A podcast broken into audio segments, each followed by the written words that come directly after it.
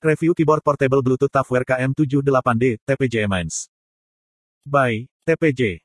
Assalamualaikum Sobat Mikir sekalian, gimana kabarnya? Cak Min doakan sehat selalu sekeluarga, amin. Permisi gelombang paket, siapa sih yang gak girang pas dengar ada suara mas-mas kurir datang bawa pesanan kita? Ini juga yang barusan terjadi sama Cak Min Shop, paket Cak Min baru datang.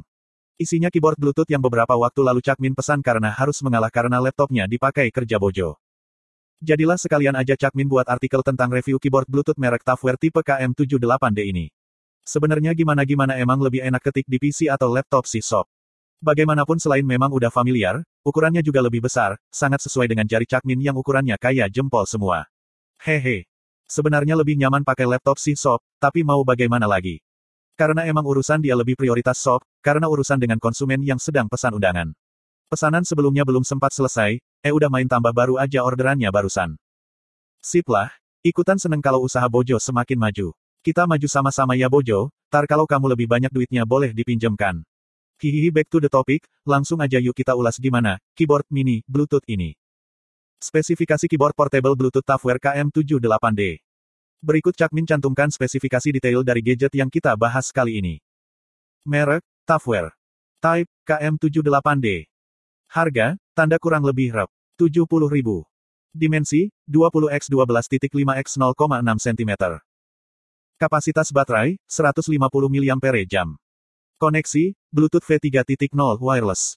Jumlah keys, 60 packs keystroke, 1 switch on off, 1 connecting key. Pads, keyboard Bluetooth, kabel USB cas buku petunjuk berbahasa Jepang. Kompatibel, Android, laptop PC, iOS semua yang support dengan Bluetooth. Review jujur keyboard portable Bluetooth Tafware KM78D. Ukuran mini dan slim. Untuk segi ukuran, bisa masuk keunggulan di sisi portable, mudah untuk dibawa ke mana-mana. Kita sebagai pengguna akan sangat terbantu karena ukuran yang mini ini, karena tidak membutuhkan ruang yang besar dalam penyimpanannya. Namun bukan berarti tak ada kekurangan, dengan ukuran mini dan slim ini juga Cakmin berasa takut kalau membawa sembarangan. Karena besar potensi untuk dapat patah saat tertekan benda lebih berat dan kuat. Seperti disinggung di atas juga, ukuran yang kecil juga menjadi kelemahan. Khususnya pengguna dengan jari yang besar seperti Cakmin. Namun hal ini memang butuh penyesuaian di awal saja, ketika sudah terbiasa maka tidak akan menjadi masalah lagi. Tata letak simbol yang berbeda. Dengan jumlah kibatan yang hanya 60 peks, hal ini membuat sang produsen berpikir keras untuk memasukkan semua tanda simbol yang umum digunakan dalam proses pengetikan. Akan tetapi juga tidak meninggalkan fungsi utama tombol ketik itu sendiri. Dari segi posisi alfabet menggunakan sistem QWERTY sistem yang umum digunakan PC dan laptop di negara kita. Menjadi masalah adalah di penempatan simbol yang berbeda. Cakmin memang mengetahui ada perbedaan antara keyboard PC dengan laptop, namun Cakmin sudah terbiasa di keduanya. Namun sepertinya harus membiasakan diri lagi karena slim seperti keyboard laptop. Alih-alih menggunakan sistem keyboard silikon, Tafware menggunakan model yang mendekati keyboard laptop di mana tiap key tidak menjulang tinggi atau dengan ketebalan yang minimalis, sehingga ada sensasi seperti mengetik di keyboard laptop jika menggunakan KM78D ini. Menurut saya ini menjadi nilai plus untuk model ini, karena totalitas menggunakan konsep mini-nya mengadaptasi keyboard laptop untuk dijadikan sebagai desain tiap key yang ada di keyboard ini. Baterai tanam plus USB port. Pertimbangan kedua setelah harga adalah variabel baterai tanam, rechargeable inilah yang menjadi variabel penting dalam proses pemilihan keyboard kemarin. Dengan spesifikasi 150 mAh ditambah dengan fitur auto sleep membuat daya tahan dari keyboard ini sangat lama. Sebagai perbandingan, Cakmin juga punya mouse Bluetooth menggunakan baterai AAA. Namun ketika digunakan untuk keperluan harian ternyata sangat boros, apalagi ketika digunakan untuk main game. Oleh karenanya, Cakmin sangat suka dengan fitur baterai tanam ini. Karena sangat mudah untuk dicas ulang agar tidak boros untuk membeli baterai lagi. Auto Charging Cutoff Fitur ini adalah ketika kita mengisi daya sebuah perangkat, ketika full akan terputus dengan sendirinya. Hal ini sangat bermanfaat, dikarenakan Cakmin pernah punya lampu darurat dengan baterai tanam tetapi tidak memiliki fitur ini. Suatu ketika mengisi daya Cakmin lupa untuk mencabut daya ketika penuh. Alhasil meledaklah baterai tanam dan tidak dapat digunakan kembali. Itulah pentingnya fitur auto charging cutoff. Codeless.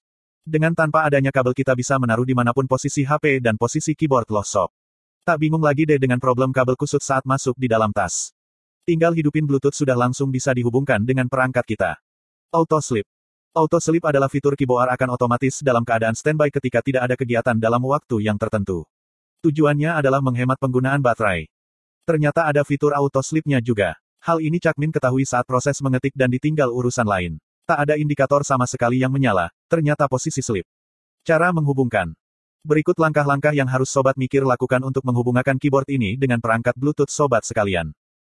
1. Switch on keyboard. 2. Klik tombol CONNECT di keyboard. 3. Di perangkat yang ingin gunakan, hidupkan Bluetooth. 4. Masuk setting Bluetooth. 5. Pair add new device. 6. Pilih Bluetooth 3.0 keyboard. 7. Pair. Selamat kamu sudah bisa ketik pakai keyboard ini di device kamu sob. Chakmin sudah mencoba menghubungkan di Xiaomi Note 4 dan Infinix Hot 8, Infinix Hot 9, serta Infinix Hot 10 Play semuanya terpantau lancar. Penutup. Itulah review Chakmin terhadap keyboard portable Bluetooth Toughwear model KM78D ini. Tidak hanya fokus pada kelebihan, Chakmin juga menyampaikan sisi negatifnya secara objektif.